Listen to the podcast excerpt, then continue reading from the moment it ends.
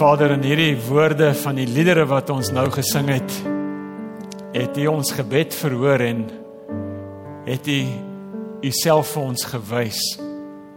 Het ons iets meer van U gesien in dit wat ons hoor. En daarom wil ons graag erken, Here, daar is regtig niemand soos U nie. Daar's niemand eers wat in dieselfde asem as U genoem kan word nie. Daar's niemand wat in die selfde geselskap as U genoem kan word nie. Want U is verhewe. U is groter en beter en mooier en wonderliker. Genadiger en meer liefdevol as wat ons woorde het om te sê en as wat ons ons kan indink. U is in alle opsigte volmaak.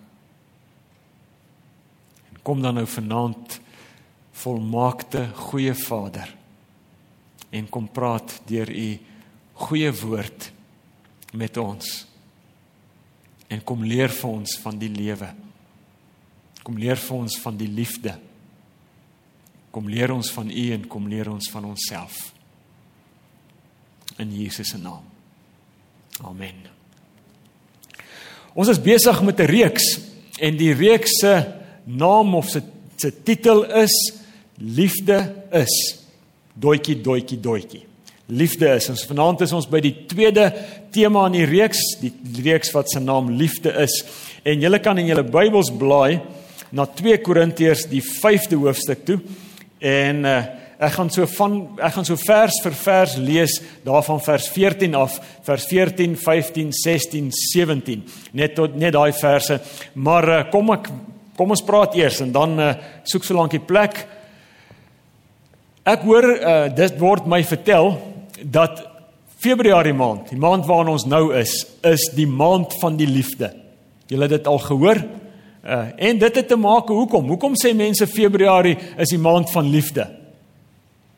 Iemand kans waag. Iemand raai. Ja, Valentine's Day want Februarie maand, uh, dis môre net terloops. Môre is Valentine's Day. Dis die 14de Februarie en dit het sommer gemaak dat een dag was nie genoeg nie. Toe sê hulle sommer kom ons maak Februarie maand die maand van liefde. Nou kan ek vra, ek weet julle wil nou nie hande opsteek of so nie, maar uh, as jy nie skaam is nie of as jy lus is en vrymoedigheid het, wie van julle het enige verwagtinge van Valentine's Dag wat môre is? Daar's 'n hand. Uh daar's 'n hand. Is jy verwagtingloos? Wie verwag ten minste 'n high five?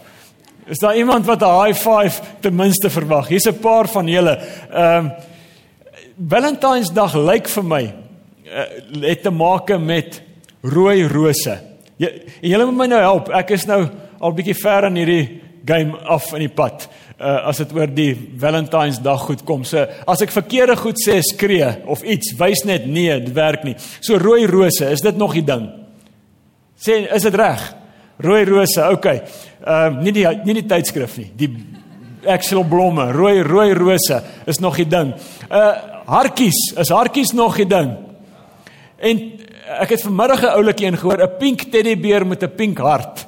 Uh is kan dit werk of is dit te erg? Uh die spaarers wat sê nee. Julle moet nou help my vrou is nie hier nie. Miskien gaan dit daai gaan gaan dit daai help.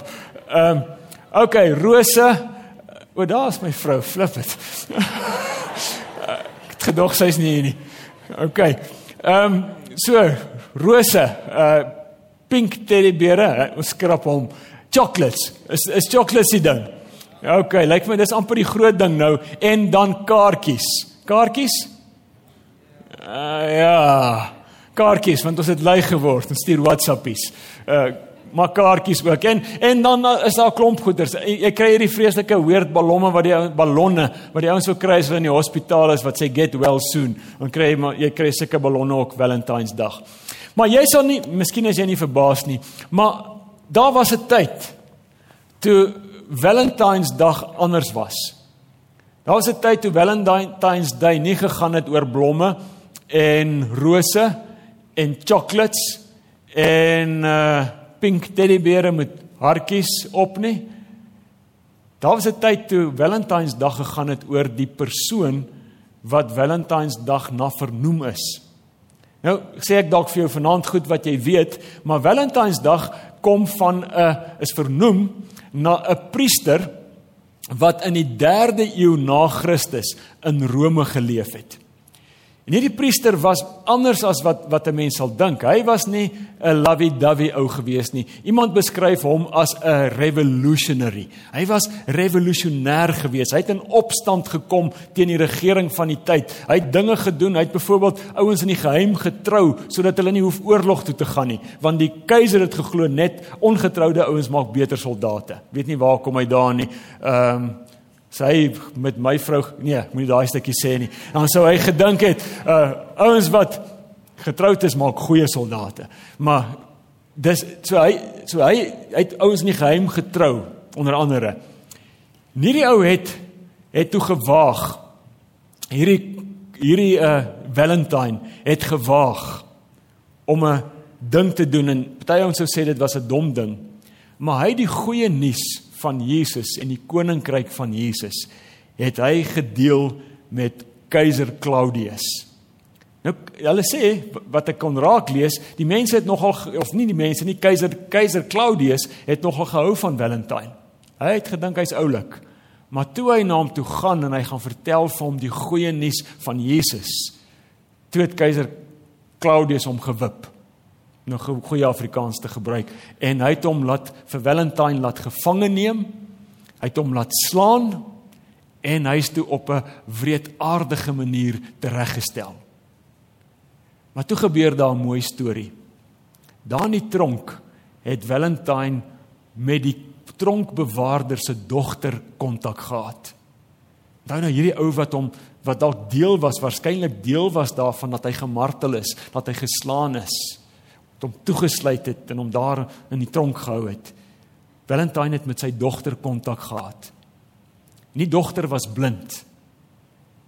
En nou word die storie vertel dat Valentine het vir haar gebid en hy het haar oë genees. Hy het haar oë laat sy uitgemaak dat sy weer kon sien. Is dit nie pragtige liefde nie? Liefde vir jou vyand. Liefde vir jou vyand. En dan sê hulle die dag voor sy teregstelling het Valentine vir hierdie dogter 'n brief geskryf. En hy sluit die brief dan af en dit gaan vir jou bekend klink met die woorde your Valentine. Hoorie dit het nie baie met chocolates en rose en romantiese goeders te doen nie. Maar met liefde liefde vir die vyand, onvoorwaardelike liefde vir alle mense. En dit is maklik om hierdie te sê. Is maklik om te sê onvoorwaardelike liefde vir alle mense. Maar hoe kry ons dit reg? Hoe kry ons dit reg? Daarom wil ek vir jou vanaand sê, gaan koop asseblief chocolates môre. Gaan gaan uh, gaan koop kaartjies as jy moet, gaan koop rooi lose en as jy regtig moet gaan koop 'n pink teddybeer met 'n hartjie.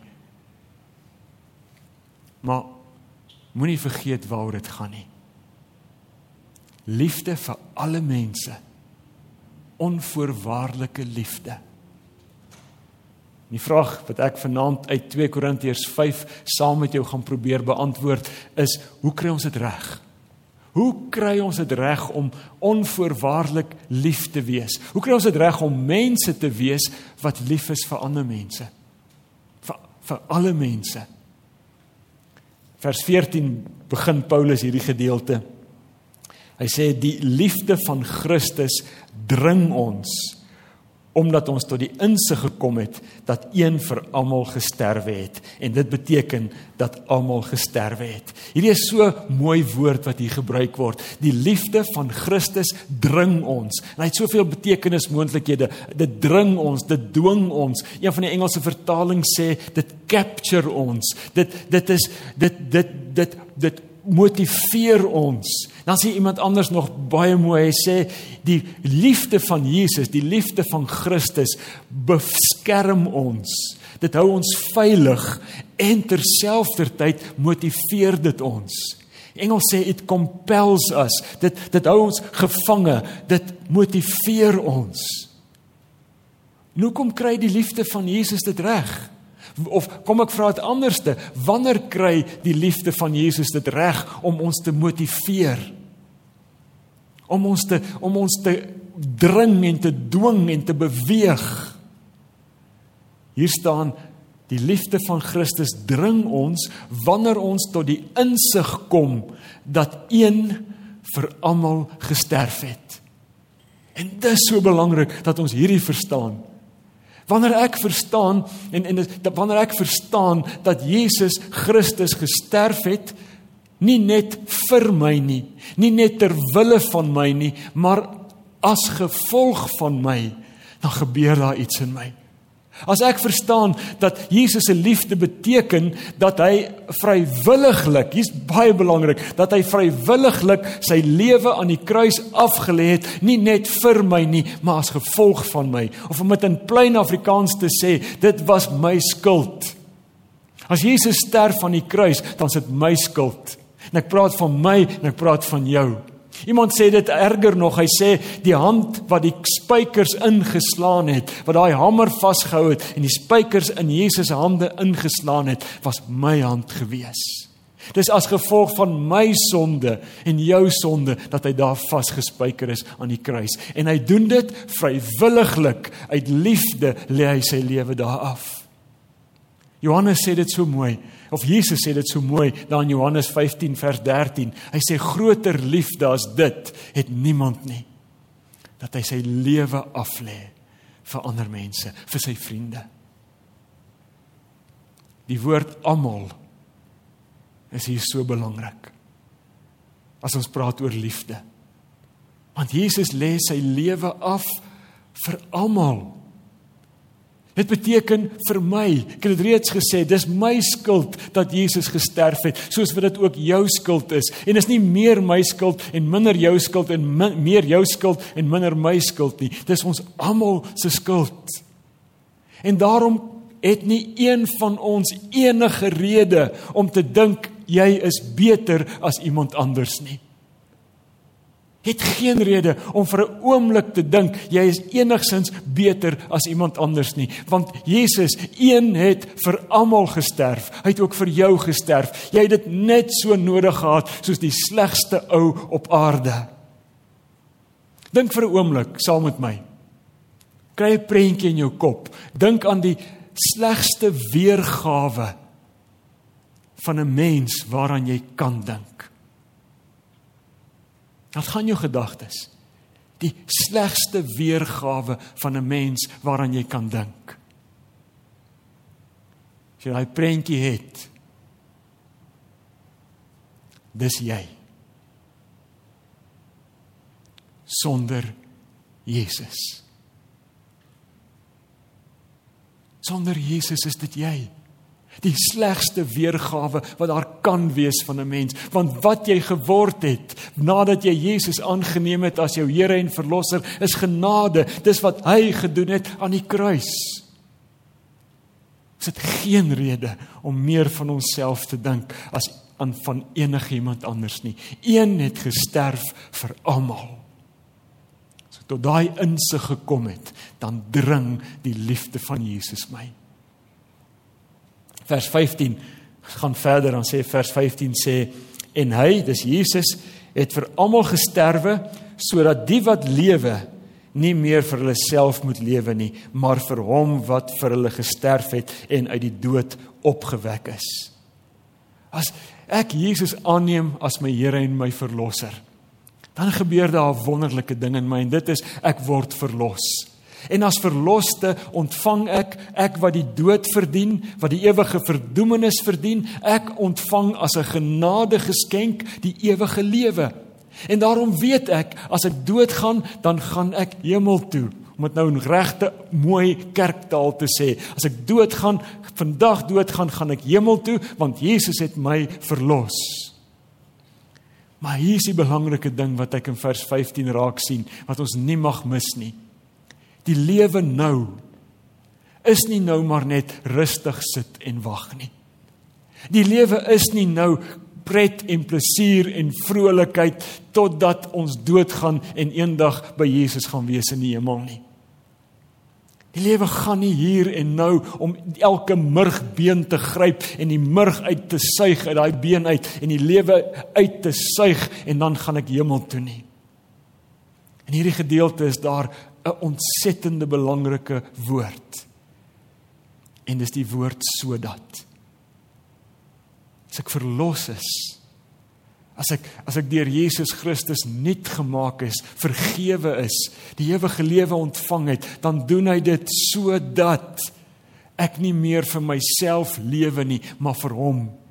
Vir hom en vir sy saak, vir hom en die missie waarop God hom gestuur het.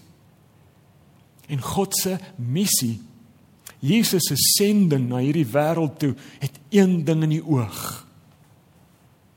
En dis mense. Daar's mense wat nou vir my radikaal gaan verskil as ek dit sê, maar hoor dit vanaand. Jesus het gekom ter wille van mense. Natuurlik het hy gekom om die koninkryk van God aan te kondig. Natuurlik het hy gekom om die Vader te kom verheerlik. Maar as hy kom dan nooi hy mense in in die koninkryk van God. Ek hoor iemand, ek lees die koerant vandag, die ouens beskuldig die kerk daarvan, die NG Kerk onder andere dat ons so mensgerig geraak het. Daar's niemand meer mensgerig as Jesus nie. Hy het gekom om die een skaap wat verlore geraak het te kom soek. Johannes 3 vers 16, daai mooi bekende deel wat die meeste van julle uit julle koppe ken. God het die wêreld so liefgehad dat hy sy seun gegee het sodat elkeen wat in hom glo, mense glo, die ewige lewe kan hê. Vers 17 moet ons ook uit ons koppe uit leer. Vers 17 sê en hierdie Jesus het gekom God het sy seun gestuur nie om die wêreld te kom veroordeel nie, maar om die wêreld te kom red. Jesus kom is gerig op mense. En die meeste van die tyd op mense met wie ons niks eers te doen sou wou gehad het nie. So Jesus kom. En dan verlos hy my sodat ek deel kan raak van sy sending. Sodat ek nie meer vir myself leef nie, maar vir Jesus en Jesus se mense. Nie mense vir wie hy sy lewe afgelê het aan die kruis. Weet jy dat daar mense in jou stad is, met daar mense in jou omgewing is, mense in jou kantoorblok, mense in jou in jou vriendekring is wat die goeie nuus nog nie gehoor het nie. Dat Jesus sy lewe vir hulle afgelê het uit liefde sonder dat hulle dit verdien. Ek en jy kan nie meer net vir onsself leef nie. As jy ontdek, as jy verstaan dat Jesus sy lewe vir jou afgelê het. As jy tot daai insig kom, dan leef jy nie meer vir jouself nie. Vers 16. Ons beoordeel dus nou van nou af niemand meer volgens menslike maatstaf nie. Paulus sê nee, nee, hy praat eintlik hier van homself. Hy sê al het ons, hy kon net sê wel gesê het ek, al het ons Christus vroeër volgens menslike maatstaf beoordeel, nou beoordeel ons hom nie meer so nie. Hier moes eintlik hierdie sin moes eintlik begin het soos wat hy in die oorspronklike taal begin met die woord daarom. Daarom beoordeel ons nou nie meer mense met uiterlike maatstawwe nie. Die ou vertaling of die direkte vertaling sê ons ken mense nou nie meer na die vlees nie. Aan die ander woorde na hulle uiterlike nie. Ons beoordeel mense nie op grond van wat ons nou sien nie. Maar waarna verwys dit daarom? Iets iets het gebeur daarom. En wat gebeur het is ons is verlos. Ons het vers 17 sê ons het nuwe mense geword. God het ons nuwe skepings gemaak. Die ou is verby. Dit het alles het nuut geword. So deurdat Jesus vir my gesterf het, dat Jesus aangeneem het, het ek 'n nuwe mens geword, 'n nuwe skepping geword. En hierdie nuwe mens, hierdie nuwe skepping beoordeel dinge nie meer op grond van uiterlike maatstawwe nie. Kom ek verduidelik wat ek bedoel en ek gaan so drie voorbeelde gebruik vanuit die Bybel om te verduidelik. In Rigter 6 is die mooi storie van Gideon. Gaan lees dit weer as jy kans kry. Die mooi storie van Gideon. Daar's die volk Israel word onderdruk deur die Midianiete, hulle vyande. En dan kom die engel van die Here en as jy die gedeelte lees, dan sien jy sien jy dis eintlik die Here self. Maar dan kom die engel van die Here by Gideon. En as die engel by Gideon kom, dan vind hy hom in 'n parskuip. Dis nou 'n plek waar hulle olywe vermoed ek gepars het. So is donker, daar's daar onder die grond eers. Nou daar sit Gideon en daar staan omdat hy bang was. Sit in bewe daar onder in die parskuip. Dan kom die engel van die Here toe en hy kom sê vir hom, die Here roep jou. Ek sê dit in my eie woorde, die Here roep jou om sy volk te bevry van hierdie van hierdie onderdrukking. Dan hoor ons hoe reageer Gideon. Hy sê, "Nee. Verkeerde adres. Kan nie ek wees nie."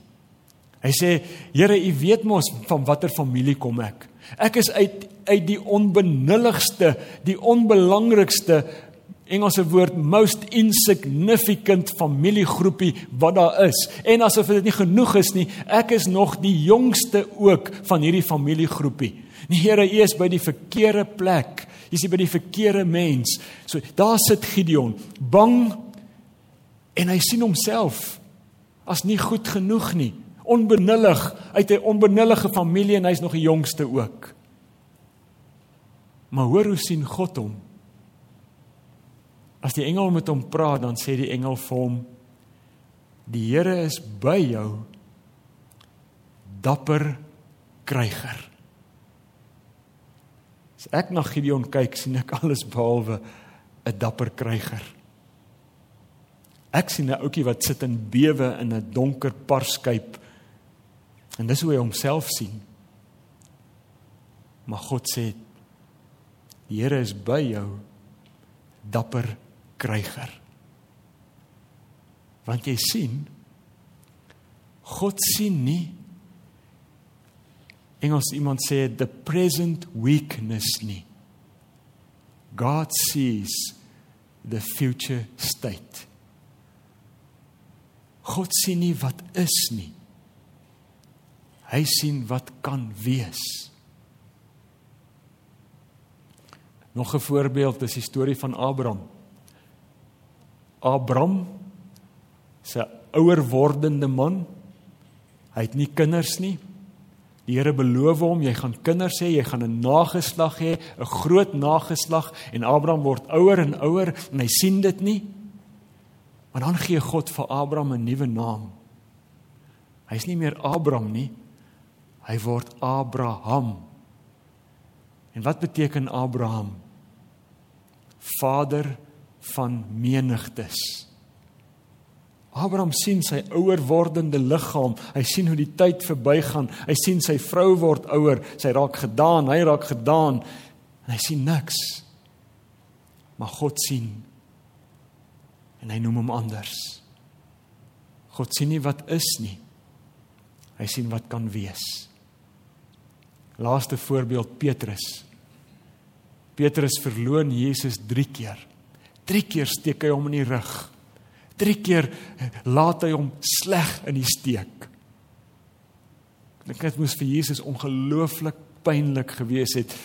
Weet nie of die kruis erger was selfs as dit nie. Dan in Johannes 21 nadat Jesus uit die dood opgestaan het, dan gaan hy na Petrus toe. Onthou nou wat het Jesus van Petrus gesien? Onthou nou wat het Petrus van homself geweet?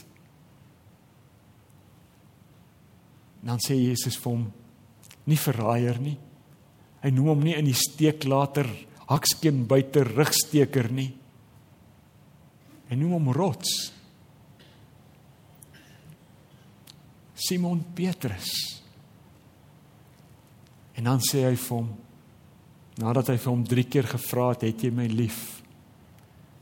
Sê hy vir hom, "Laat my lammers wy. Pas my skape op. Laat my lammers wy." Jy sien Jesus sien jy sal mos nie jou jou kerk toevertrou aan 'n rugsteker nie. Maar Jesus sien nie die huidige swakheid nie. Hy sien die toekomstige heerlikheid. Hy sien wat hy kan wees. En dis nie net waarvan Gideon nie. Dis nie net waarvan Abraham nie, dis nie net waarvan Petrus nie. Dis ook waarvan my. En dis waarvan jou. Dis hoe God na jou kyk. Wanneer God na jou kyk en wanneer hy na my kyk, dan sien hy as gevolg van dit wat Jesus aan die kruis gedoen het toe hy gesterf het daar, sien hy 'n nuwe mens. Hy sien 'n nuwe skepsel. Hy sê hy sien iemand as Jesus na my kyk, dan sien hy iemand wat so regverdig is asof ek self vir my sonde betaal het. Hy sien iemand wat nuut is. Wat heeltemal 'n nuwe skepsel is. En hierdie is so 'n belangrike beginsel wat ons nooit moet mis nie. As dit dan waar is van my en as dit dan waar is van jou dat wanneer Jesus na jou kyk, dan sien hy jou soos wat Jesus jou deur sy verlossing aan die kruis gemaak het. As dit as dit waar is van my, dan kan dit mos nie net waar wees van my nie. Dan is dit ook waar van van die mense wat rondom jou sit vanaand. Dan is dit waar van alle mense. Wanneer God na ons kyk, dan sien hy nie wie ons is nie. Dan sien hy wat ons kan wees. En is nie omdat mense so wonderlik is nie. Dis nie omdat ek of jy so wonderlik is nie, maar dit is omdat God so anders is. God kan mooier sien. God sien beter. God sien dieper en hy sien verder. En daar so mooi mooi woorde wat ek weer herhaal. God sien my toekomstige toestand en nie my huidige swakheid nie. Hy sien nie net wie ek is en wat ek is nie. Hy sien wie ek kan wees. Dis hoe God kyk. En dan is daar so 'n mooi gedeelte in in Hebreërs 11. In Hebreërs 11 kry ons, dis mos die hoofstuk van geloof. Dan kry ons so 'n mooi definisie van geloof daar en ek gaan dit in my eie woorde vir jou sê. Hebreërs 11 sê geloof is die vermoë wat die Heilige Gees vir jou en vir my gee om die onsigbare te sien. En dit nog anders te sê. Geloof is die vermoë wat die Heilige Gees vir ons gee om met God se oë te kyk. Nou sê voordat jy sê maar maar dis nie moontlik nie. Dis nie vir my moontlik om na God met God se oë na ander mense te kyk nie. Onthou wat sê vers 17. Jesus het jou verlos. Jesus het vir jou gesterf. Hy het jou 'n nuwe skepping gemaak. Hy het jou 'n nuwe mens gemaak. En as jy 'n nuwe mens is, dan kyk jy anders, want nuwe mense het nuwe oë. Nuwe mense kyk met God se oë na mekaar en kyk met God se oë na ander mense. Het jy al gedink wat sal gebeur? As jy begin om na ander mense te kyk met nuwe oë. Of kom ek sê dit anders? Het jy al gedink wat sal gebeur as jy na iemand anders, na ander mense begin kyk soos wat Jesus na jou kyk?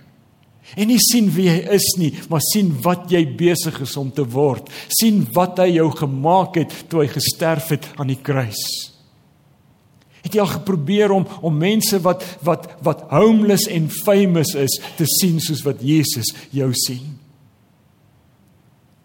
Aaklige mense en wonderlike mense. hoogs suksesvolle mense en mense wat daai prentjie wat jy net nou gesien het van van mense sonder Jesus, het jy al gedink wat sal gebeur as jy sulke mense na hulle kyk met Jesus se oë? Jy gedink wat sal gebeur as jy na jou man of jou vrou kyk soos wat Jesus na jou kyk? Na daai tiener van jou wat jy wil wurg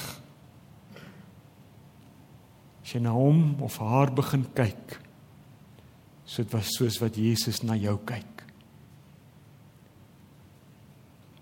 Jy gedink wat sal gebeur as jy na jou dogter se kerel begin kyk? Gril amper as ek dit sê.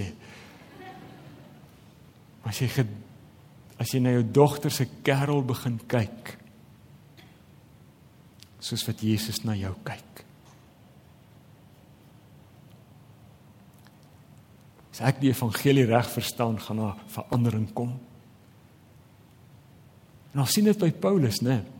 In Paulus se storie, vers 16 het ons net nou gelees. Paulus sê, uh, hy sê daar al het ek Christus vroeër volgens menslike maatstaf beoordeel, nou beoordeel ons hom nie, ek hom nie meer so nie. Hy sê dood eenvoudig, ek het Jesus op 'n stadium gesien as 'n mens toe hy Jesus as 'n mens gesien het, het Paulus van sy kop af geraak.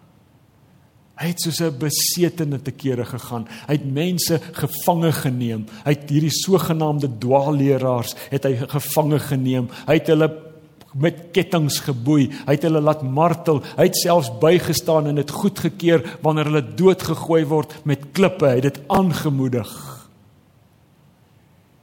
En toe loop hy hom vas op die pad na Damaskus toe.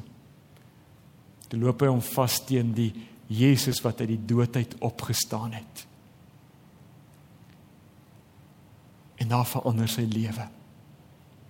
Daar word hy 'n nuwe mens. Want hy beleef Hy beleef iets van Jesus se liefde, sy onvoorwaardelike liefde. Hy beleef iets, sê iemand so mooi van Jesus se great kindness. Hy beleef iets van Jesus se vergifnis, onverdiende vergifnis. Hy beleef iets van Jesus se genade, van sy compassion, van sy mercy. Hy beleef Jesus, die Here wat opgestaan het uit die dood. En Petrus in Paulus word 'n nuwe mens. Jy kan nie dieselfde bly as jy in Jesus vasloop nie. Jy kan nie dieselfde bly as Jesus jou ontmoet en jy die opgestane Jesus sien, nie as 'n mens nie, maar as die opgestane Here wat God is. Dan kan jy nie dieselfde bly nie.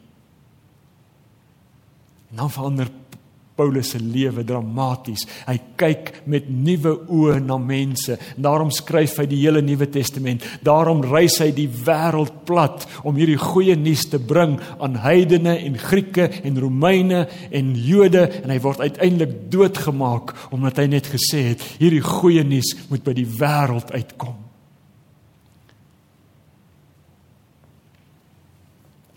Wanneer Jesus ons verander wanneer hy ons lewe nuut maak, dan gee hy vir ons nuwe oë. Ons is besig met 'n tema. Jy het gehoor en die tema se naam is liefde is doetjie doetjie doetjie. Kan ek vanaand waag om daai doetjies in te vul? Liefde is om na ander mense te kyk soos wat Jesus na jou kyk. Liefde is om na ander mense te kyk soos wat Jesus na jou kyk. Mag Jesus se liefde jou dring daartoe dat jy na ander sal kyk soos wat Jesus na jou kyk. Nie nie wat voorhande is, hier wat jy nou sien nie, maar wat kan wees. Mag die liefde van Jesus jou dring om met nuwe oë na ander te kyk. Amen. Ek gee geleentheid vir stil gebed. En wanneer ek bid, wanneer jy bid, dan gaan die Here waarskynlik 'n gesig of twee in jou gedagtes laat opkom. Vra vir hom die genade om na daai mens te kyk. Soos wat Jesus na jou kyk. Here Jesus, dankie dat U uit vrye wil gekies het om U lewe af te lê uit liefde uit om aan die kruis vasgespijker te word ter wille van my en ja verseker ook as gevolg van my. Dankie dat u deur u offer my nuut gemaak het my nuwe mens gemaak het. Kom help my om te oefen Here om as nuwe mens te leef. Nuwe lippe te praat. Met nuwe oë te kyk. Help my om te kyk soos wat u na my kyk